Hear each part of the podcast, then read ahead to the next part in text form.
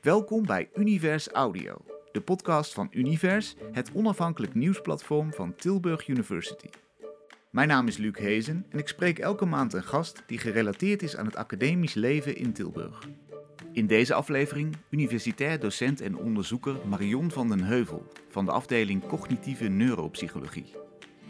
Ze deed eerder al onderzoek naar welke factoren invloed hebben op de vorming van de hersens van een baby in de baarmoeder en doet nu baanbrekend onderzoek naar hersengolven bij baby's. Ze wist voor haar onderzoek prestigieuze beurzen binnen te halen. Tilburg University droeg haar aan om mee te dingen naar de prijs van New Scientist Wetenschapstalent 2021, die op 10 juni wordt uitgereikt. Ik ben benieuwd hoe Marions onderzoek in zijn werk gaat en hoe je als 33-jarige al zo'n succesvolle wetenschapper kunt zijn. Marion, fijn dat je me wil ontvangen in je werkkamer in het Simongebouw. Waarschijnlijk wist je het zelf al, maar het is nu officieel. Je bent een jong, talentvolle wetenschapper. Tja, Want je hebt een nominatie gekregen, toch? Voor die, Ja, voor die mooie. New Scientist Wetenschapstalentprijs. Ja. Hoe voelt dat? Eh, ja, wel echt een eer natuurlijk. Mhm. Ehm, ja, ook wel eh, ja, verrassend. Nou ja, verrassend ook wel een beetje. Ja, ik vind het in ieder geval een grote eer dat ik al door de universiteit, dat was de eerste stap, dat ik daardoor uitgekozen was en genomineerd. Mhm. Eh, dus dat vond ik eigenlijk al heel erg leuk. En toen hoorde ik daarna ook nog dat ik door de jury van de eh New Scientist ook was uitgekozen. Om de laatste 15 plekken dan te hebben. Ehm, ja, en nu nog even afwachten. Ik heb heel erg hard stemmen geworven. Ja. Dus ik ben benieuwd. Ik hoop dat er heel veel mensen hebben gestemd. Eh, en dan hebben we daarna volgens mij de laatste vijf. Ja. En dan nog een laatste drie. En dan komt de winnaar. Dus, eh, En dat weten we pas op 10 juni. Dit Ja. gesprek vindt daarvoor plaats, dus we weten het ja, nog niet. Het is nee, we weten het nog niet. Nee, ik zou het heel leuk vinden, want eh, tot nu toe hebben er altijd eh, meer de harde wetenschappen een prijs gewonnen. Dus echt natuurkunde ehm, en nog niet veel psychologie of neuropsychologie. Natuurlijk zit ik wel al een beetje aan de technische kant. Met mijn hersenonderzoek en een vrij technische dingen doe ik toch. Dus misschien kan ik een mooi bruggetje vormen. Ja. Hoe kan dat eigenlijk, denk je? Eh, ja, ik denk niet dat het aan de stemmers ligt. Want je zag ook vorig jaar, toen heeft ook iemand van psychologie, bij ontwikkelingspsychologie hier, eh, eh, was in de derde plek gekomen, Ger- Gerine. En die doet echt psychologisch onderzoek naar, naar arm of naar ehm, eh, eenzaamheid. Dus ik, ja, ik denk dat het als het aan de stemmers ligt, zeker niet een voorkeur is voor harde sciences. Maar dat dat wel misschien enigszins bij een New Scientist zelf. Ook als je het blaadje kijkt, is toch wel veel eh, de echte harde wetenschappen. Ah, kijk. Ja. Waar mensen aan denken als je het woord science zegt of wetenschap, dan denken mensen toch sneller aan eh, ja, proefjes of eh, natuurkunde, ja, biologie, Ja, waar, ja. grappig. Ja, dat, ja, inderdaad. Als sterrenkunde, zulke dingen. tover Ja. je die beelden voor de geest. Ja, Ja, dat is waar. ja, je denkt toch vaak aan een eh, white coat of een, eh, een man met een brilletje en een baard.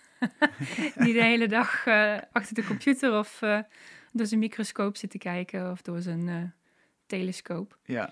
Nou, die whitecoat die heb jij waarschijnlijk ook af en toe wel hè, in, in het lab? Of doe je dan Nee, geen, hier, heb- nee, we hebben helemaal geen het helemaal white coat. Ik heb wel in Amerika ook onderzoek gedaan. Daar had ik wel een white coat. Eh, zo mooi met mijn naam erop geborduurd. mhm. Maar eh, hier doen we dat eigenlijk helemaal niet. Volgens mij heeft niemand hier in, het, eh, in de hele universiteit een, een witte jas. Nee, Nee. oké. Nou, iets benaderbaarder. Is, Ja, is dat, is denk dat het wel. idee? Ja, het is ook wel nodig. echt iets van de medische wetenschap. En die hebben we hier natuurlijk niet, zo, niet echt. En soms is het inderdaad om status aan te tonen. Of ja, van, dat heb ik je ook niet dokter. Ik ben de dokter. Ja. ja. nee, dat Want hebben vertel we. eens, hoe gaat jouw onderzoek in zijn werk? Eh, ja, ik doe onderzoek naar eh, de hersenontwikkeling van, eh, van baby's. Ehm, dus wij, wij nodigen baby's uit in het lab. En dat, daar komt het soms wel omdat mensen dan dus ook inderdaad al die gekke beelden hebben van breintjes op sterk water of zo. Hebben ze wel zoiets van, wow, baby's in het lab. Klinkt natuurlijk een beetje gek, Ja. maar ehm, ja, dat gaat er heel anders aan toe. Dat, dat lab is ook gewoon een gewone kamer. Dus dat ziet er eigenlijk gewoon heel normaal uit. Er staat ook, er staan gewoon stoelen en een tafel. Er staat zelfs een lekkere rustige stoel. Een lekkere stoel om in te zitten voor de moeders. Eh, er is gewoon een wasbakje, een spiegeltje, een eh, baby, eh hoe heet zo'n ding ook alweer, waar je op verschoont. Eh, Commode? een commode, denk ik. Ja, Ja. ja. in de muur. Dus het ziet er eigenlijk heel normaal uit. Misschien meer als een soort dokters eh, office of zo. alleen dan iets vriendelijker. En daar komt uh, moeder of vader met de baby naartoe. En dan doen we de EEG-kapje op. Dus dat is een, uh, een kapje, een soort zwembadmutsje, wat opgezet wordt. En daar zitten allemaal gaatjes in, in het kapje en daar gaan de sensoren in. En die maken dan contact met uh, de hoofdhuid via gel die we erbij doen. En dan kunnen we op die manier de hersengolven meten van de baby. En waar ben je naar op zoek? Ja, naar verschillende dingen.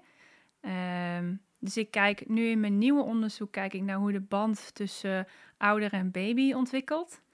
Uh, er is namelijk nieuw onderzoek in sociale neuropsychologie. En dat ehm, als twee mensen, net als wat wij aan het doen zijn nu, dat als je samen een gesprek hebt, en vooral als het een prettig gesprek is, dan gaan de, onze breinen samen synchroniseren. Uh, en dat wordt vaak beschreven in het gevoel als uh, ik had een klik met die persoon of zo, mhm. of het gesprek ging lekker, of uh, dat je elkaar zinnen afmaakt, dat soort dingen, die zijn inderdaad gerelateerd aan een betere synchronisatie. Dus dat onze breinen zeg maar ja, op dezelfde golflengte gaan werken. En het is ook grappig, want je ziet het ook terug in taal. Van we zitten echt op dezelfde golflengte, dat soort dingen. Want dat, en dat, blijkt dus, ja, dat blijkt dus letterlijk zo te zijn. Letterlijke golflengte. Ja, dus een paar jaar geleden ja, was ik daar super gefascineerd door. En ik, ik dacht dat al een beetje van, nou, wat nou, er lijkt echt een speciale band te zijn tussen moeder en baby en tussen vader en baby. Dus ik zat er al heel lang mee van, hoe kunnen we dat niet kwantificeren en kunnen we dat niet objectief meten? Uh, maar er zijn, tot nu toe waren daar vooral metingen van dat je een filmpje maakt en dat je dan allerlei coderingen doet van oh de moeder en de baby hebben oogcontact of de moeder doet dit, de baby doet dat. Maar dan is het nog steeds een mens wat aan het coderen is. Ehm, dus ik dacht, misschien kunnen we het. Dus toen kwam dat andere onderzoek, toen dacht ik, misschien kunnen we het wel gewoon in het brein zien. Want bij volwassenen blijkt het zo te zijn dat als je een prettig gesprek hebt of een prettig contact, dat je dan meer synchroniseert. Dus dat um, was ik eigenlijk al jaren van plan. Uh, en toen is toch iemand me voor geweest. dus ik was het eigenlijk al wel lang van plan. Al in mijn PhD had ik al voor het eerst, uh, en dat is ook alweer ja, zes, zeven jaar geleden of zo. Mm -hmm. Toen dacht ik, ja, het is echt heel mooi. Maar toen was het nog wel heel erg, uh, ja, bijna science fiction, zeg maar. Want toen hebben toch uh, inderdaad bij volwassene mensen het aangetoond. En kwam het steeds meer. En in Cambridge is er één lab en daar hebben ze nu met EEG inderdaad aangetoond dat inderdaad moeder, of in ieder geval volwassenen en baby inderdaad synchroniseren. En dat het meer is als er meer oogcontact is. En dat het sterker is als de baby veel geluidjes maakt. Dus als de baby, als je praat met een baby, of kom, zeg niet echt praat, maar speelt met een baby, dan heb je baby's die soms een beetje zo, zo niet echt iets doen. Ja, ja. en ja, krijg je niet veel respons. En de baby's die dus echt reageren met, ha, en uh, ah en ah, da en of wijzen en zo. Als ze dat meer doen, dan is er meer synchronisatie. Dus baby's hebben daar ook een actieve rol in. En dat vind ik ook ontzettend interessant. Dus hoe, um, ja, hoe werkt dat? En welke baby's zijn daar beter in? En welke baby's zijn daar niet zo goed in? Dus ik wil ook graag kijken naar, naar babytjes die en bijvoorbeeld volgen of ze later autistisch worden. Dus als we bijvoorbeeld zien dat ze daar helemaal niet goed in zijn op jonge leeftijd, dat dat misschien inderdaad dan leidt tot uh, sociale problemen. Uh, en dat is allemaal nog helemaal compleet onontgonnen terrein. Dus uh, dit onderzoek doen denk ik, zijn, er is één ander lab in ieder geval, dus in Cambridge, waar ik ook contact mee heb. En Londen werken samen.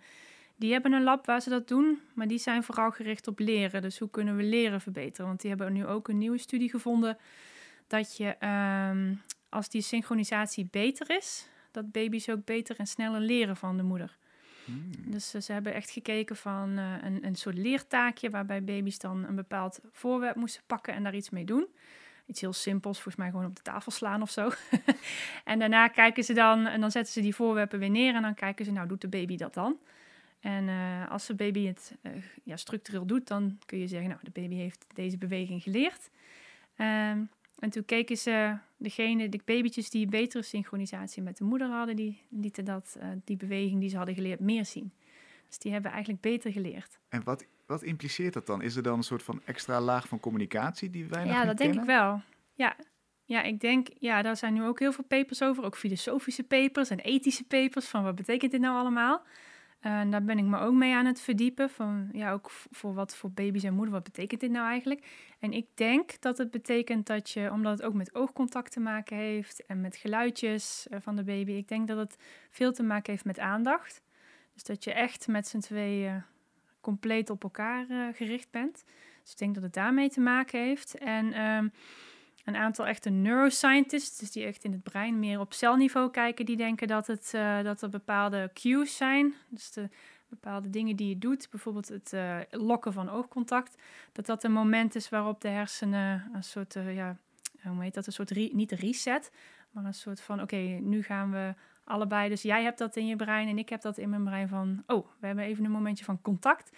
En dat er dan dus een, een soort spike komt en dat we daardoor, daarna dan uh, samen in dezelfde fase zitten. Want het brein gaat met uh, golfbewegingen. Mhm. um, en mijn golfbeweging die kan uh, bijvoorbeeld net naar beneden gaan als die van jou omhoog gaat. Dus dan zijn we niet in dezelfde fase. Mm um, of hij was net een klein beetje verder omhoog dan die van jou. En, wat, en, wat en door merk- dat oogcontact is dan, wordt dat gelijk gezet. en wat merk ik dan als dat gebeurt? Als, wij, als, als onze golven zeg maar Ja, niet gelijk lopen, wat merk ik daarvan? ja dat is een, nog een beetje onduidelijk. En het kan ook nog in een andere frequentie lopen dan die van mij. Dus het, het is een beetje onduidelijk. En we weten nog maar best wel weinig eigenlijk van, eh, van hersengolven. Mhm. We weten bijvoorbeeld dat als jij eh, nu in slaap zou vallen, dan ga je hersengolven heel langzaam. Oké. Ehm, en je merkt natuurlijk al wel, als ik bijvoorbeeld extreem eh, opgefokt hier zit en jij zit hier eh, heel traag, Ja. dan, dan zijn onze golven waarschijnlijk ook op een ander ritme. Maar je zult ook in het gedrag merken dat we misschien niet zo goed eh, klikken met elkaar. Ehm, Oh, en dan, dan dus, eh, denk ik, vanuit wat ik nu weet, dat ligt aan karakter of dat ligt aan hoeveel Ja. energie we nu hebben. Ja. Maar jij denkt, die hersengolven zijn daar onderdeel van. Ja, deels denk ik wel, inderdaad. Ja, en natuurlijk hebben wij als mensen nog zoveel andere dingen. Want ik kan jou misschien wel heel lelijk vinden of zo. En daardoor zoiets zit er hebben van... eh, hm. Dankjewel. Het wordt een gezellig gesprek zo. Ja, ja. Dus, eh, of eh, misschien stink je wel heel erg, hè, om Ja. nog even lekker aan te denken. ja, precies. En dan zijn er natuurlijk andere factoren waardoor ik misschien minder oogcontact maak of, eh, of wegkijk. En dat kan dus blijkbaar allemaal, denken we in ieder geval, allemaal een rol spelen bij hoe, eh, hoe die eh, connectie gemaakt wordt op breinniveau. Maar dat is echt nog, ja, wat ik al zei, zo onontgonnen. Dus we moeten daar nog super ver induiken. Ehm er kunnen dus ook stoornissen aan de hand zijn waarvan we nog niet goed weten waarom dat minder verloopt. Maar er is wel onderzoek nu ook op autismegebied. Dat is een volwassene, als ik bijvoorbeeld autisme heb eh, en jij niet, dan zie je dus dat de synchroniteit inderdaad minder is. Dus dat hebben ze ook al uitgevoerd. Dus die, ja, die papers beginnen steeds meer, die onderzoeken beginnen steeds meer te komen. En we leren steeds meer. Ehm, maar ik denk dat er echt wat nog heel erg mist, is echt het begin van, eh, ja, van een baby. Eh, want die gaat dat leren om dat te doen. Ja. En ik denk dat we daar heel veel informatie uit kunnen halen. Want de meeste onderzoeken zeggen 99% is bij volwassenen. Eh, en ik denk dat we daar echt nog een hele ontwikkelingsonderzoek onderzoek aan toe moeten voegen, zodat we nog veel meer weten. Eh, en hoe vroeg het al begint en is het aangeleerd of, of kunnen we dat zomaar meteen? Eh, dus dat vind ik allemaal heel interessant. Eh, gewoon die normale ontwikkeling. En ik vind het heel interessant wanneer het dus misgaat. Bijvoorbeeld als de moeder heel erg gestrest is of als de moeder depressief is. En daar is nog heel weinig eh, onderzoek naar gedaan. Dus we weten dat als een moeder depressief is, dat het kind ook vaak later problemen heeft met mentale gezondheid, maar ook met contact maken, eh, zich veilig voelen.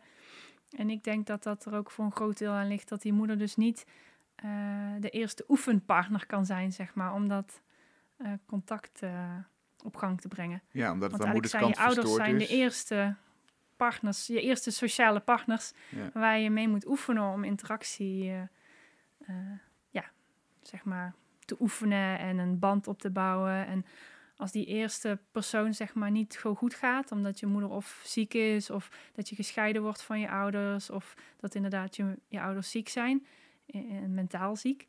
Ze zijn er wel, maar ze bieden niet eh, die communicatie die je nodig hebt. Dan kan dat verstoord raken, denk ik, maar dat is dus nog niet onderzocht. En dat ga ik nou in, eh, daar heb ik ook een VENI voor gekregen, VENI-aanvraag eh, gedaan. En dat eh, heb ik gekregen, dus toen kon ik eindelijk aan de slag met mijn idee. Is eigenlijk eh, ongeveer vijf jaar na data Ja, dat ik het, de eerste dingen had bedacht. En zo gaat het wel vaak in onderzoek. Dus kon ik eindelijk gaan beginnen. En toen heb ik nog een KNW-aanvraag gedaan. Heb ik ook gekregen. mhm. Dus nou heb ik ineens... eh, dus dat is eigenlijk mijn volledige onderzoekslijn nu ongeveer. Dus eh, EEG bij moeder en baby. En dan allerlei verschillende dingen. Ik wil ook nog een, eh, een volgende beurs aanvragen om echt eh, baby's op te volgen. Om echt te kijken hoe dat per leeftijd eh, verbeterd of veranderd. Dus echt vanaf uh, vlak na de geboorte kijken van kunnen kinderen dan al iets? Is er dan al synchronisatie of liggen ze maar gewoon een beetje passief en gebeurt er nog niks? Omdat veel ouders wel zelf zeggen van ik kreeg pas echt contact, contact met mijn kind toen hij ook begon te lachen en mij aan kon kijken. En dat is toch meestal pas wat later, drie, vier maanden of zo, dat ze echt, uh, mm. echt iets teruggeven. En dat ze geluidjes gaan maken is vaak voor de meeste baby's nog wat later. Dus ik ben heel benieuwd hoe dat zo uh, in de normale ontwikkeling, hoe dat ja, groeit, zeg maar. En voor, vorm geeft, vorm krijgt. En, dus dit is eigenlijk heel bazaal onderzoek nog, ook, ook over die hersengolven. Ja. Want weet jij al wat hersengolven voor ons doen, normaal gesproken bij een normaal volwassen persoon? Ja, het is dus in ieder geval hoe hoger de frequentie, en er zit natuurlijk wel een maximum aan, maar hoe hoger de frequentie, hoe uh, alerter je bent, hoe meer. Uh, dus als je, als je hersendood bent, dan uh, zie je eigenlijk geen golven meer. Ja. dus dat gebruiken ze ook in de medische wereld. Om te kijken, doen ze ook een EEG en dan kijken ze, is er nog hersenactiviteit? Nou, dat betekent ook als er geen golven zijn, dan is het zeg maar, ja, brain dead, mm -hmm. hersendood. Eh, soms zijn er nog wel hele lichte golven, maar dat is meer zo van dat je nog, aan, dat je nog ademt, zeg maar. Ik bedoel, het brein stuurt ook nog aan dat je ademt, stuurt eigenlijk je hele lijf aan. Dus soms ben je wel hersendood, maar je ademt nog, dus dan zul je nog heel licht golven zien, om dat nog aan te sturen. Maar hoe meer er aangestuurd wordt en hoe dieper je aan het nadenken bent, hoe sneller die frequentie wordt. En dan heb je een bepaalde frequentie. Uh, ik kan bijvoorbeeld ook in het lab zien als mensen uh, moe worden. Sommige mensen denken dat ik hele gedachten kan lezen als ik een EEG heb. Dat is niet waar. Maar ik kan wel zien of iemand moe is. Ja. Dus uh, ik heb ook een keer een. is misschien leuk voor de studenten onder ons, maar de, als studenten een flinke kater hebben, dan zie ik het ook. Wat zie je dan? Ja, dan zie je andere golven in het brein. Dan zie je, ja, dat heet alfa-golven. En die zijn er, zijn er meestal als je heel ontspannen bent of een beetje weg aan het zakken bent. Mhm. En dan zie je een bepaalde golf optreden die wat groter van amplitude is. En uh, die kan ik ondertussen, na zoveel EG's kan ik die herkennen. ik denk als jij kijkt, dan zie je denk misschien niet echt het verschil. Maar dan denk ik, hé. Hey. ja, je hebt gedronken. Alpha. ja. ja, of ze hebben een hele slechte nacht gehad en doorgetrokken of zo. Maar dat is meestal het teken als je dat hebt, terwijl je eigenlijk dus je ogen open hebt dan ben je ongeveer eh, gelijk aan iemand die, eh, die op bed ligt met zijn ogen dicht. Ah. Dus ehm, dat kan ik wel zien in het EEG. En soms zie ik dat ook bij de kindjes op het einde. Dan denk ik van, uh, oeh, hij begint echt wel in te kakken of bijna te gaan slapen. Ja. Dus dat kun je wel ook zien aan het EEG. Ja. Um, en dan heb je nog een, een hersengolf, die is moeilijker te zien, want die is wat kleiner van amplitude, maar die is vrij, ja, die is nog een stukje sneller. En dat is echt als je uh, moeilijke sommen aan het oplossen bent, of als je echt flink je werkgeheugen aan het gebruiken bent, uh, een examen aan het maken, denk ik uh, bijvoorbeeld. Ehm, en die is een stukje sneller en die zie je ook als iemand aan het piekeren is of heel angstig is. Dus dat is over het algemeen als je probeert te relaxen en je ziet dat nog, dan, dan ja, dat is vaak een teken dat iemand niet helemaal lekker in zijn vel zit of gestrest is. En je zei zo net ook, iemand was me voor bij dit onderzoek. Ja. dus de, de, en, baal je daar dan van als dat gebeurt? Ja, wel een, wel een beetje eigenlijk, om eerlijk te zijn. Ja. Omdat ik toch, ik had dat idee echt al uh, tijdens de PhD, zei ik toen ook tegen mijn, tegen mijn begeleiders van... Uh, wat nou als we ook de moeder aan de EEG leggen en we kijken dan, want ik deed toen al hersenconnectiviteit uh, metingen. Um, en toen zei ik ook van wat nou als we connectiviteit berekenen niet in één brein, maar tussen twee breinen. En toen zeiden zij echt iets van, uh, wil je nou toch weer voor iets moeilijks? En uh, doe maar niet. En uh, ik moet eerlijk zeggen, hier ook, en dat zal Jan Vrome waarschijnlijk mijn baas ook wel beamen, die had eerst ook wel een beetje zo van, wat ga je nou toch doen Marion? Want het is behoorlijk high, high risico. Maar ik vind het wel ook high gain. Ik bedoel, als het Waarom high risico? Ja, hij, ja, omdat je, hij heeft zoiets van, ja, krijgen we dat er wel uit? Vind je wel iets? Uh, is het niet iets anders? Wat meten we eigenlijk? Er zijn nog heel veel vragen. Um, maar juist daarom word ik er heel erg, uh, ja, ik word daar juist heel erg enthousiast van. Ja, want ik vind dat juist superleuk en, en mysterieus. En ja, dit vind, dit vind ik echt onderzoek. Echt niet, niet dat uitkouwen van dat ik nog een keer hetzelfde onderzoek ga doen, maar dan net een ander, ander geluidje of zo. Of dat, dat, dat uit, dat mogen andere mensen doen ja. van mij. Dat is ook belangrijk. Ik vind dat echt, en zeker replicatie, super belangrijk. Um, maar daar ligt niet mijn, uh, mijn kracht, denk ik. Ik probeer daar wel aan bij te dragen. Dus ik, ik doe altijd open science, ben ik helemaal voor. Dus ik, ik doe altijd alles uh, zoveel mogelijk delen. En uh, ik zet nu tegenwoordig mijn uh, protocollen online en ik doe open access. Dus ik ben wel heel erg voor, voor het delen. En vaak doe ik expres zo dat ik een experiment doe en dan het eerste deel is een replicatie. En daarna doe ik dan het volgende deel is iets nieuws. Dus ik doe best wel vaak bijvoorbeeld dat, we ook, dat ik ook vragenlijstenonderzoek doe. Of bij dit onderzoek doe ik ook de, de behavioral coding. Dus wel ook die video's maken. En dan dat zeg maar herhalen. Mhm. Alleen daarna ga ik dan... En hier hebben we de hersenmeting. Dus ik doe op die manier doe ik wel mee aan het uh, netjes repliceren. Ja. En netjes het iets makkelijkere onderzoek, zeg maar. Dat is misschien beledig ik nu mensen, maar het, het onderzoek wa ja, waar je niet heel vernieuwend voor moet zijn, waar je eigenlijk iemand anders werk herhaalt. Ja. Wat wel belangrijk is. Um, dat doe ik ook. Maar dat voelt bijna als strafwerk als ik je zo hoor praten. Zo van, ja, nou, dat hoort erbij. Een beetje. ja. Uh, het moet, ik moet het doen, dus ik doe het maar liever. Ja, ja dat is echt werk. Ja. Ja, want ik zie mijn werk niet eens echt als werk. Ik vind het gewoon echt heel leuk. Ik denk als ik niks, moet ik natuurlijk niet zeggen, als ik geen geld krijg, zou ik het nog doen. Nee, dat zou ik niet zeggen, nee. Moet mijn baas niet horen en dan denkt hij straks, hé, hey, ze doet het ook voor niks. Ja, maar het is wel, ja, voor het grootste deel vind ik het zo leuk dat ik het ook zou doen als ik, uh, ja, als ik er geen geld voor kreeg, zeg maar. Maar dat lijkt me zo moeilijk van een carrière in de wetenschap, dat Ja. je kunt supergoed zijn en toch de plank misslaan, omdat wat je onderzoekt is ook van toeval afhankelijk. En, en van, Ja. van, het is een soort uh, Ja, mijnenvegen. Je klikt een vakje open en je hoopt maar dat er iets in zit. Ja, precies. Ja, en daarom doe ik dus dat eerste stuk altijd. Ehm, dus daardoor heb ik ook Jean kunnen overtuigen van laat me dit nou doen. Ik, ik weet waar ik mee bezig ben. Ik heb een aantal dingen ingebouwd. Eh, dus dat was ook ons eerste gesprek toen ik hier was aangenomen. Was die ook echt zo van, ja, Marion, wat, wat ga je nou allemaal doen? van hoe ga je straks je tenjer halen? Straks komt er helemaal niks uit en dan kan ik je weer eh, laten gaan. Ja. Ehm, dus dat was wel vrij serieus. Toen zei hij ook eens, eh, ik heb ook al meerdere keren gehoord van Marion, doe toch eens iets makkelijks. Toen zei ik, ja, als ik iets makkelijks zou gaan doen, dan had ik er geen zin meer in. Denk ik.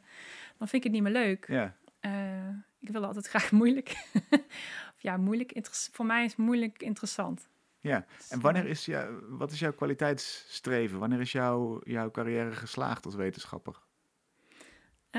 eh, ja, best wel verschillende dingen. Ik dacht vroeger altijd een eh, publicatie in, eh, in Nature of zo. Ehm, maar tegenwoordig is het echt veel meer dan dat. Dus het, ik heb elke keer kleine slaagmomentjes. Dat moet je ook echt doen in een wetenschappelijke carrière. Want als je heel de tijd op één ding gaat focussen van ik moet die video-aanvraag eh, krijgen of zo, of ik moet deze award krijgen, dan heb je te weinig eh, gratification, denk ik, in je carrière. Je moet het echt uit kleine dingetjes halen. Dus ik eh, haal het bijvoorbeeld ook uit dat ik een praatje geef bij eh, een, een school of zo en dat dan een meisje zegt van hoe word ik zoals jij?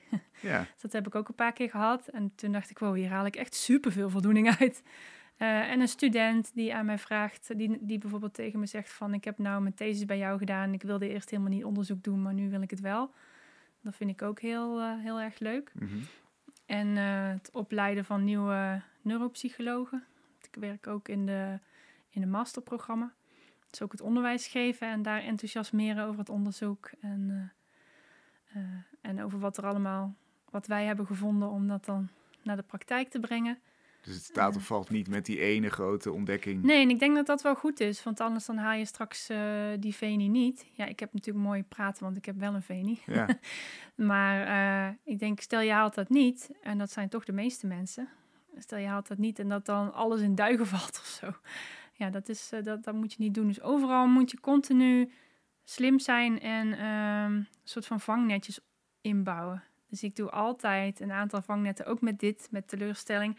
Altijd meerdere grens, altijd meerdere opties. Eh, ik verzin meestal als ik een, bijvoorbeeld een grant proposal indien, dan eh, schrijf ik op hoe ik het het liefst helemaal zou winnen als ik al het geld zou krijgen.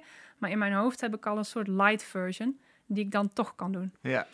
Zodat je als je hem niet krijgt, dan kun je hem toch nog uitvoeren. Dan misschien niet met die mooiste, nieuwste apparatuur. En moet je misschien veel meer met de hand gaan doen en heb je geen postdoc. Maar eigenlijk alle grens die ik schrijf, daar zorg ik voor dat ik een light versie in ieder geval kan doen. Dan heb je het niet helemaal voor niks opgeschreven. Dus dat is een beetje een, eh, een tip dan. ja. Om, om toch gewoon altijd, wat, ja, altijd positief te blijven. Ik heb ook wel, mijn collega's zeggen ook altijd, waarom ben je zo positief? dus dan denk ik, ja, Je moet daar, je kunt dat, dat is niet alleen maar omdat ik super, uh, een heel positief mens ben, misschien ook wel, maar je moet daar ook heel logisch over nadenken en overal zulke dingen in stoppen. Ja. Ehm, en ook met een publicatie, ook als ik een studie doe, dan doe ik dus een stukje replicatie erin. Waardoor ik, als alles veelt, kan ik altijd nog opschrijven, ik heb het gerepliceerd en ik vond het niet. Ja. Dus altijd wat ik ook doe, er is altijd iets uit te halen. Dus daar heb ik uiteindelijk toen Jan mee overtuigd. Die toen zei van, oké, oké, oké, oké. Toen mocht ik het toch doen. En hij heeft wel echt, ik ben er echt heel blij mee dat hij daarmee vol ermee in is, in is gestapt. Want hij heeft echt gezorgd dat ik uh, het lab kreeg waar ik het kon doen. Hij heeft extra onderdelen gekocht. Uh, ook qua hardware en zo, dat ik dit onderzoek uh, kon doen. En echt gezegd van, nou vooruit, probeer maar die Veni dan. En uiteindelijk ben ik natuurlijk wel blij van, haha, zie wel. Ja, het is gelukt. Klein beetje van, het is toch gelukt. Maar laatst bij het vorige, um, bij mijn tenure, en ik, ik zit dus op tenure, dus ik moet laten zien dat ik het allemaal kan.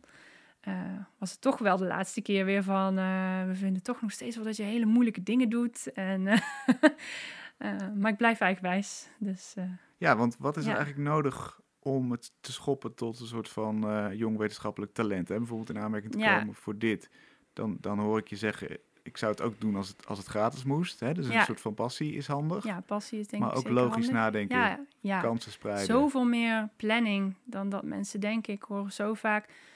Uh, bijvoorbeeld een leuk voorbeeld was dat ik, uh, toen ik PhD was, toen was ik naar een uh, PhD-dag gegaan. En daar waren we geloof ik met 30, voornamelijk vrouwen, want het was ontwikkelingspsychologie toen. Dus vooral heel veel meisjes. en toen hadden we een soort ehm, ja, een, een, een soort coaching of zo. Van wat wil je nou later en bla bla. En hoe weet je nou wat je wil. En, en toen vroeg die vrouw, die vroeg gewoon open van wie wil hier professor worden. En toen stak ik meteen mijn hand op. En toen keek ik rond, toen was er nog maar één iemand anders. En toen dacht ik van, waarom halen jullie dan allemaal een PhD? Ja. Er waren er echt 30 vrouwen of zo, of 30 PhD's. En dan denk ik, waarom, maar wat, ja, wil je dan alleen een PhD? Of en een hele hoop ging een beetje rond van wat ben je dan aan het doen. En toen waren de, ja, de meesten die zeiden van op zich wil ik het wel, maar ik weet het nog niet zo goed. En ik weet niet of ik het wel kan halen. En ik weet niet of het wel lukt. En ik weet niet in welke stad. En misschien wil ik wel kinderen. En, en zoveel allemaal if, als, uh, en... Maar zijn dat dingen die niet in jouw hoofd zitten, al, al deze Ook argumenten? wel. Alleen ik denk dan gewoon, ik wil, ik wil dat gaan doen. En dan vind ik het wel uit hoe dat gaat of zo. In plaats van, ik weet niet of ik het wel wil, want en dan heel veel andere dingen. En het mooie is natuurlijk maar een NS2-studie in dit geval. Maar toen was ik op een congres in Amerika. En uh, ik werkte toen bij NIH, dat is best wel een grote organisatie. Toen kwam ik op een congres en toen kwam ik dat andere meisje tegen. En die werkte bij Harvard. Die had het ook ge ja, gemaakt. Dus ik zei, hey! ja. en toen hebben we het daar nog over gehad, van hoe kan dat nou? En waarom hebben wij dan zo'n goede postdoc plek en zitten we hier in Amerika? En, en zij zei, ja, een aantal anderen die ze kenden, die waren inderdaad na een PhD een beetje zo... een beetje weggezakt. En toen hadden we het er wel over van, ik denk echt, je moet daar al vroeg mee plannen. Je moet weten wat je wil. Maar dat is een bikkelhard klimaat dan ook wel. Dat is een soort topsport, toch? Ja, Zie je het ook zo? Vergelijk je jezelf met een topsporter? Ja, denk het wel. Ik heb ook wedstrijdzwemmen gedaan. Oké. en een hele hoop dingen die ik in mijn... Uh, want ik ben ook naar de Nederlandse geweest toen. Dus een aantal dingen van die topsport, die gebruik ik nu ook.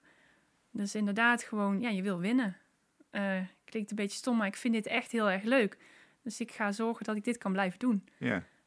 Um, ja, en ik, ik vrees inderdaad voor degene die denkt, ik vind het wel leuk uh, ja, die worden voorbijgestreefd door mensen die het echt heel leuk vinden. Want, En- want als jij zegt, iemand anders had, had eerder dit idee en daar baal ik van, dan is dat, er zit daar ook een competitiedrang in. Ja, alleen het is niet op die manier. Ik probeer wel altijd mezelf terug te roepen en te denken, waar doe ik het voor? Want ik wil wel, in eerste instantie vind ik dit heel erg leuk, maar ik vind het vooral leuk omdat ik de wereld kan begrijpen en de Mhm. wereld kan verbeteren. Dus als iemand me dan voor is in de wereld verbeteren, ja, dan denk ik, nou, fijn. Ja, Dus in principe vind ik dat niet erg. En ik, ik ben dan ook niet zo van, eh, oh, godverdomme, en ik ga hem een, eh, een jeukbrief sturen of zo.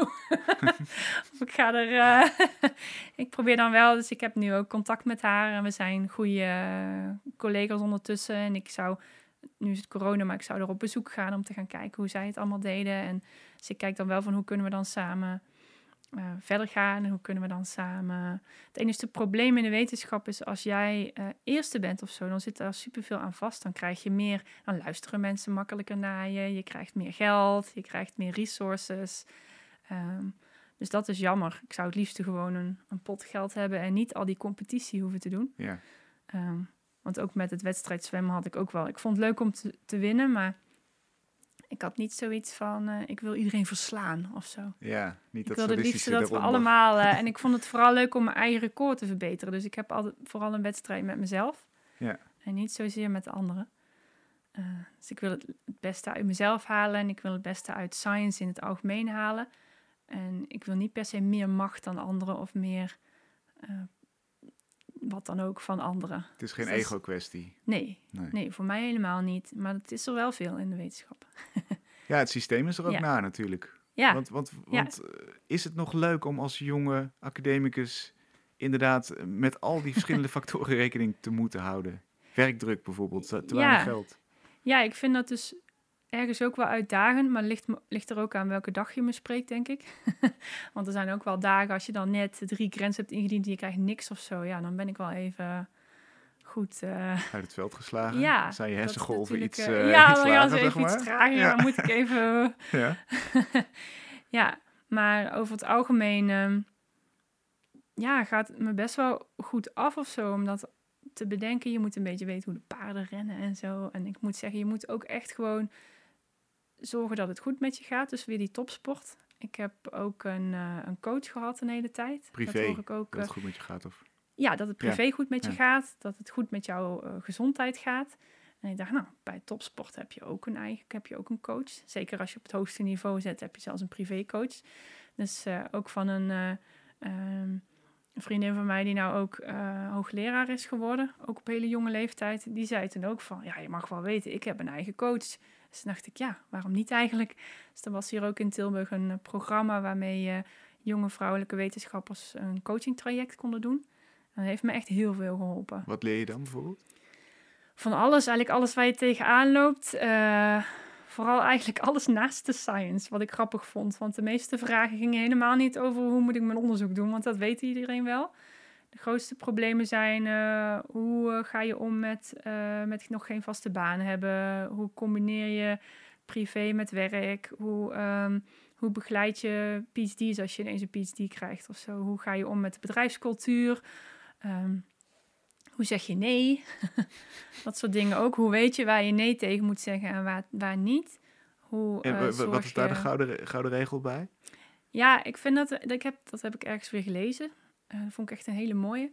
Dat is um, dat sommige dingen, op een gegeven moment ben je best goed. En dat heb ik nu ook wel enigszins, dat je van allerlei verzoekjes krijgt.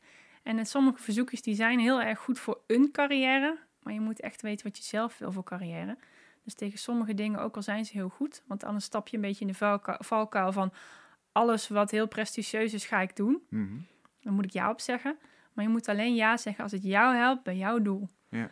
Dus um, ik ben ooit in mijn PhD gevraagd door een of andere professor in het buitenland. En die was, had een hele hoge naam. En die had allemaal bedacht, dan kun je een half jaar bij mij komen. En dan mag je in mijn appartement zitten met een zwemmen. Toen zei hij, oh zwemmen, hier heb je nog een kaart erbij. En, maar dus ik dacht echt van, wow, dit is supergoed voor, uh, voor mijn carrière. Heel mooi instituut.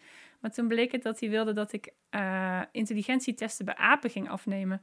Mm. En ik had zoiets, ik wil helemaal geen dieronderzoek. Dus in mijn eerste instinct was, ja, wauw, deze professor die vraagt mij. En, en ik heb ook een keer een, uh, een internship aangeboden gekregen via via om in Harvard uh, een internship te lopen uh, op de hartpolie. Maar toen heb ik ook ja, na lang nadenken moeten zeggen van ja, sorry, maar het hart, voor mij is het, het brein.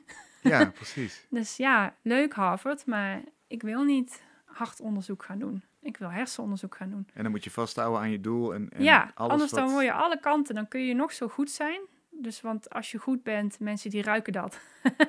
die komen naar je toe. Er zitten zoveel professoren en die zijn allemaal, die zijn ook allemaal, de meeste in ieder geval ook heel goed. En de meeste goede mensen hebben een oog voor de jonge andere goede mensen.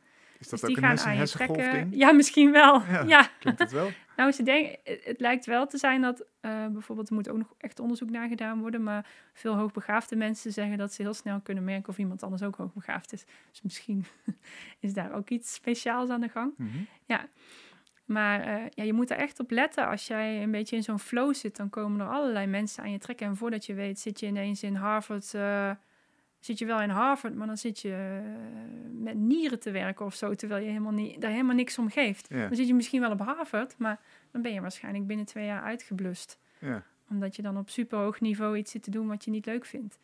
En Eh, geldt dit denk je ook voor, je noemde het net in een, in een bijzin, de meeste mensen halen geen beurs. De Ja. mensen die, die niet super goed zijn, maar net goed of redelijk. Ja, ja. Eh, ja. Ja, ook die moeten wel opletten dat ze niet... eh, want ik heb wel een keer gehoord dat iemand gewoon zei... ik wil gewoon een PhD doen. Toen dacht ik, ja, dat is toch geen motivatie? Ja. Waarom zou je een PhD willen doen? Je moet wel vier of ja, drie, vier, vijf, ligt een beetje aan... daar helemaal induiken. En dan moet je toch wel in ieder geval zekere passie ervoor hebben. Dus ik vind dat een hele rare motivatie. Ik wil, ik wil een PhD doen. Dan denk ik van, ja, ik, ik, ik denk dan zelf van, dan ga je er waarschijnlijk niet echt komen. En ik, ik, ik, ik motiveer ook iedereen om echt heel erg naar zichzelf te kijken van, wat vind ik nou echt leuk? En dan hoeft echt niet al in je, in je studie moet je het een beetje weten. Als je het dan al weet, heel mooi. Mhm. Maar ehm, echt bijvoorbeeld in je, in je PhD moet je daar wel over na gaan denken. In ieder geval van wat wil ik. Want anders dan ben je straks klaar met je PhD. En dan ga je nog bedenken wat je wil. En dan is het soms al, al wel een beetje laat. Want de meeste mensen die willen een postdoc die nog half in hun PhD zit, willen ze aannemen. Zodat dat gewoon lekker doorgaat in één keer. Ja. En eh, ja, dus dat is best vervelend. Je moet continu een stap vooruit denken. Maar ik denk inderdaad dat ook door de topsport en zo heb ik dat wel goed eh, geleerd. Ja. Van je denkt dan naar die wedstrijd na. En soms denk je al over een wedstrijd over een jaar na. En je gaat je daar helemaal op voorbereiden om daar het beste, ja, het beste te scoren. Dus je laat maar. niks aan het toeval over eigenlijk. Of Nee, zo ja, ik hoor wel heel vaak van, wow, wat heb jij toch veel geluk. En dan denk ik altijd van, ja, ik snap dat ze dat... En ik heb natuurlijk ook wel geluk. Want uiteindelijk op het laatste moment, dan zijn er misschien vijf mensen en één iemand krijgt het of zo. Mhm. Ja, dan denk ik, ja, heb je dan geluk? Ja, misschien wel enigszins. Wie zit er in de commissie? Wat is er net belangrijk in de maatschappij? Maar Ja. ik laat zo min mogelijk aan toeval over. En ik probeer echt eh, ja, een hele hoop echt te plannen. En bijvoorbeeld toen ik weer terug naar Nederland wilde in Amerika, toen heb ik uit mijn eigen zak een congres betaald, wat in Nederland was. Omdat ik toen, eh, toen heb ik iedereen verteld, hoi, ik ben die en die, ik wil graag terug naar Nederland, maar alleen voor een track. Hoe is dat bij jullie departement? Ken jij misschien mensen? En ik heb daar een praatje gehouden op mijn laatste slide nog. eh, ik doe nu postdoc, ik zoek een nieuwe plek. Heb ik ook in mijn PhD gedaan, van ik zoek een postdoc. En toen uiteindelijk een paar weken later kreeg ik inderdaad een mailtje van iemand van... hey, er komt een vacature aan in, eh, bij, ja, bij dit departement. Misschien kun je alvast eens kijken, ben je nog in Nederland? Dus ik was toevallig nog een week in Nederland. En toen heb ik meteen eh Jean Vrome een berichtje gestuurd van... hey, ik ben toevallig in Nederland. Ik hoor dat er een vacature komt. Kan ik komen praten? En toen had ik een heel goed gesprek. En toen zei hij eigenlijk al van solliciteer alsjeblieft, want eh, we zien het wel zitten. Ja. Dus toen had ik al voordat de vacature kwam, had ik eigenlijk al een, een soort halve uitnodiging om eh, in ieder geval naar de laatste ronde te gaan. Dus, ja, dan inderdaad- denk ik, ja, dat is geen toeval. Nee, precies. Natuurlijk dat er dan een plek is, is toeval. Maar Creëer de het omstandigheden om het Ja. toeval heen eigenlijk. ja, en dan zodat het toeval naar je toe komt. Ja, Ja. ja. Nou heb jij eerder ook onderzoek gedaan over, eh, ja, laten we zeggen, de, de, wat gebeurt met een baby als die nog in de baarmoeder zit, hè? Ja. De factoren die dan invloed hebben op de vorming van de hersens bijvoorbeeld. Ja. Wat kwam daaruit, heel kort? Eh, heel kort, dat heeft veel invloed. ja, Ja, dus het is eigenlijk best ehm, logisch. Ook al denken mensen daar niet zoveel bij na. Want die hebben zoiets van, zeker vroeger was het zo van, nou, je hebt een baby in je buik en die komt eruit en dan is het pas een mens. Zeker als je naar de godsdienst kijkt, dan zie je zelfs dat, dat, dat het pas een ziel krijgt na de doping of zo. Hmm. Dus eigenlijk dan is het pas een volwaardige mens. Maar in de biologie is natuurlijk logisch, op het moment van bevruchting begint dat al te groeien en begint alles te ontstaan. En dat is compleet in samenwerking met de moeder. Dus alle voedingsstoffen, alle bouwstenen, die worden aangeleverd door de moeder. Dus eh, alles wat de moeder eet, daar wordt het kind uitgevormd. Alles wat de moeder eh, doet, als de moeder gestrest is, krijgt ze stresshormonen. Die komen ook bij de baby. Eh, als de moeder rookt, komt dat in het bloed. Dus ja, Dat is zo'n enorme connectie. Dat je, dat je daar echt enorm, ja, dan zie je gewoon hele grote effecten. Dus ook als de moeder gestrest is of ehm, als de moeder ehm, ja, hele erge dingen meemaakt en daar verdrietig over is, dan zal haar, ja, haar hele lijf veranderen. Mhm. Eh, of als je heel slecht slaapt bijvoorbeeld. Eh, dus al, ja, sowieso als de moeder in, in grote stress is, dan eh, als je in stress bent, dan merk je waarschijnlijk, dan wordt je gezicht warmer, je gaat meer zweten en zo. En dan gaan dus heel veel bloed en voedingsstoffen, die gaan naar je hersenen en naar je spieren. Ja, en je hebt maar zoveel bloed, dus dan krijgt de baby minder. Ehm, en dat zie je dus ook. Soms zijn dat babytjes met lager bo- geboortegewicht. Ehm, soms worden ze vroeger geboren. Ehm, en ook later zie je dat die kinderen wat gevoeliger zijn. Wat minder makkelijk getroost worden. En als kinderen wat sneller angststoornissen krijgen. Ehm, ADHD komt vaker voor. Autisme komt vaker voor. En wat is dan, heb je vast wel eens met je eigen moeder over gesproken, van wat heb jij Ja. gedaan om mij goed op Ja, aarde mijn te moeder was krijgen? best wel gestrest. Die was dus, wel eh, gestrest, oké. Ja. En heeft- merken ook wel wat dingen. Ja, ik ben ook wel wat piekeriger, hoewel je dat misschien niet zou zeggen als ik zo... eh, ik ben heel veel aan het plannen, inderdaad. Ja. En soms wel een beetje tot, tot het eh, te ver, zeg maar, en scenario's denken. Ik heb ook best wel als kind ook best wel ja, gevoelig. Eh, en het gaat, het gaat nu allemaal goed, maar ehm, tikkeltje ADHD, Nou ja. wat drukker dan normaal. Eh, soms is mijn brein zo erg aan dat ik niet kan slapen. Dus ja, ik weet niet of dat daar dan mee te maken heeft. Maar mijn Ja, moeder, dat na dat onderzoek zei mijn moeder wel van, oh, ik, want die waren midden in een verbouwing en mijn moeder kreeg geloof ik gordelroos. En het was best wel ziek daarvan. En dan was dan nog bang van, gaat dat dan naar de foetus over? En dat was nog gevaarlijk. En, ik was een beetje te vroeg geboren. Dus Hmm. eh, ja, mijn moeder had wel zoiets van, eh, oeh. En dingen als een topsportmentaliteit, is daar enige basis voor te vinden? Ja, weet ik eigenlijk niet. Ehm, wat ze wel zien is dat, eh, of dat is in ieder geval een theorie, en die is wel op verschillende manieren bevestigd, maar wat ze denken is dat, een, dat de foetus in de baarmoeder, die krijgt allerlei signalen al van de moeder van hoe de buitenwereld gaat zijn. Dus het kan zijn wat je bijvoorbeeld zag bij de hongerwinter. Dus echt in de oorlog zijn er heel veel vrouwen die waren zwanger op het einde van de oorlog. En toen was er een hongerwinter. Ze hadden ze maar, eh, sommigen hadden maar hon- 1000 calorieën of zo per dag, of zelfs maar 600. Dus die foetus heeft toen echt, ja, die heeft meegekregen van er is heel erg veel voedselschaarste. En je ziet dat die kinderen die daaruit geboren zijn, die zijn nu al ja, 70 of zijn, die zijn al wel een stuk ouder. Je ziet dat die kinderen ehm, een heel traag eh spijsverteringsstelsel hebben. Ah, Ehm, dus die zijn inderdaad tijdens de baarmoeder al aangepast op wat er later waarschijnlijk ging gebeuren. Probleem is dat na de oorlog is dat omgeslagen. Was er juist voedseloverschot en overal fastfood en weet ik veel wat. Dus een hele hoop van die eh, kinderen die toen geboren zijn, zijn nu allemaal obese volwassenen. ja. Die heel snel dik worden en daar eigenlijk niks aan kunnen doen. Sneller eh, hart- en vaatziekten hebben. Eh, ja, sneller te dik worden. Omdat ze dus echt een aanzienlijk trager systeem hebben. Laatste advies Dus, van deze eh, podcast. Wat moet je dan wel doen als je zwanger bent? Wat is de ideale manier om je kind goed voor te bereiden op een nieuw leven? Ja, ik zou eh, heel erg op jezelf letten. Want ik, ik denk, ik heb daar ook een beetje zo mee meegekeken van er is zoveel wat je allemaal wel en niet moet. Dus ik zou vooral kijken naar wat je zelf fijn vindt om te doen. En hoe je zelf het, het fijnste erin staat. Kijk niet te veel naar, oh, dit mag ik allemaal niet eten. En, oh, oh. Natuurlijk moet je wel gezond zijn, maar alles wat, hoe jij gezond bent, is je baby gezond. Eh, zeg, een hoop, zeg heel veel nee. En probeer zelf zo gezond mogelijk en zo fijn mogelijk en gelukkig mogelijk te zijn. En laat niet te veel, eh, ja, bijvoorbeeld je mag niet stressen, ja, daar word je gestrest van. Ja, Dus, eh, precies. Ja, probeer daar een eigen manier in te vinden en laat je niet te veel door anderen opfokken. Lijkt me sowieso een mooi advies. Ja, inderdaad. voor- ook ook voor voor, het leven mensen daarna. die, eh, ja, inderdaad. Ja. Dankjewel. Ik wens je veel succes met eh, de wedstrijd, de Nieuw Scientist Ja. Wetenschapstalent 2021. Ik hoop dat je Ja. hem wint, maar ik weet inmiddels ook dat je alweer drie scenario's hebt voor als dat niet ja, zo is. dat klopt wel. ja. En zo kun je nooit teleurgesteld raken, toch? ja, klopt. Dankjewel, Mariel. Ja. Graag gedaan. Tot zover aflevering 2 van Univers Audio. Aflevering 3 verschijnt in september.